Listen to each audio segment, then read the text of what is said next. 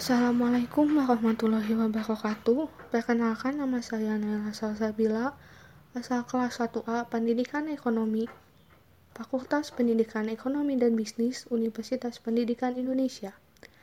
Di sini saya akan menjelaskan tentang urgensi Pancasila sebagai pandangan hidup dan dasar negara. Pancasila lahir pada 1 Juni tahun 1945 sebagai ideologi dasar negara bangsa Indonesia.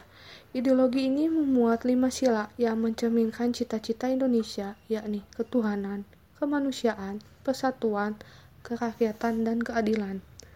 Selain menjadi ideologi dasar, Pancasila juga sebagai pandangan hidup bangsa Indonesia.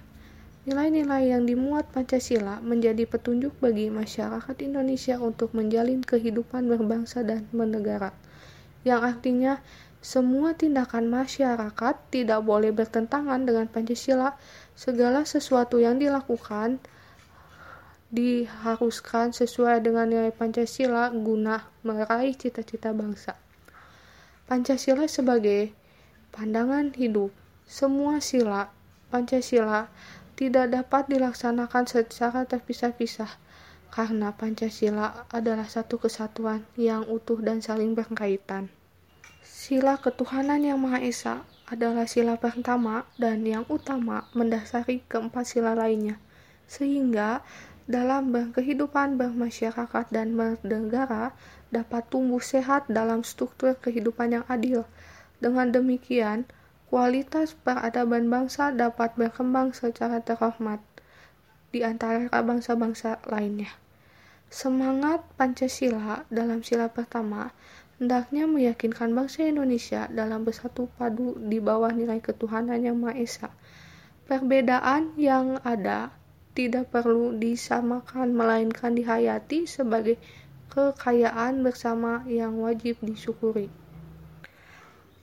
Adanya berbagai perbedaan di Indonesia seharusnya disatukan dalam wadah negara Indonesia yang berdasarkan Pancasila maka dalam kerangka kewarganegaraan tidak perlu dipermasalahkan mengenai etis, agama, warna kulit, bahkan status sosial.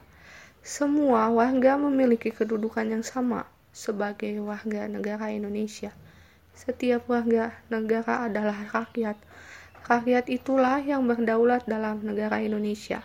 Selain itu juga, Pancasila adalah petunjuk penyelesaian masalah Selain menjadi pedoman untuk berperilaku, Pancasila juga menjadi petunjuk untuk menyelesaikan masalah atau konflik di Indonesia, baik konflik budaya, sosial, ekonomi, ataupun politik.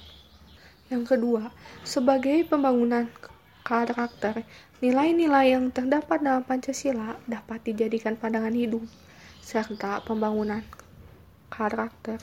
Dengan kata lain, masyarakat diharuskan memiliki kepribadian yang sesuai dengan nilai dan norma Pancasila. Ketiga, sebagai pemersatu bangsa. Pancasila memiliki kedudukan sebagai alat pemersatu bangsa. Hadirnya Pancasila telah menyatukan berbagai perbedaan masyarakat yang ada yang contohnya sebagai suku, adanya perbedaan suku, perbedaan budaya, perbedaan agama, dan perbedaan lainnya. Tanpa adanya Pancasila, masyarakat tidak akan bisa bersatu sebagai nusa dan bangsa seperti saat ini.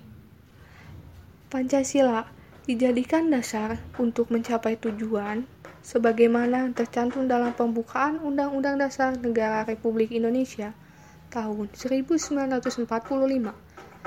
Pancasila sebagai dasar sebuah negara adalah Pancasila dijadikan pedoman dalam bertingkah laku dalam kehidupan bermasyarakat, berbangsa, dan bernegara. Pembukaan Undang-Undang Dasar 1945 alinea keempat menegaskan bahwa bangsa Indonesia memiliki dasar dan pedoman dalam berbangsa dan bernegara, yaitu Pancasila. Pancasila sebagai dasar yang mendasari pasal-pasal dalam Undang-Undang Dasar 1945 serta menjadi cita-cita hukum yang dituangkan dalam peraturan perundang-undangan. Jadi, Pancasila adalah sebagai dasar dan sumber hukum yang ada. serta sebagai pandangan hidup dalam warga negara. Cukup sekian dan terima kasih. Wassalamualaikum warahmatullahi wabarakatuh.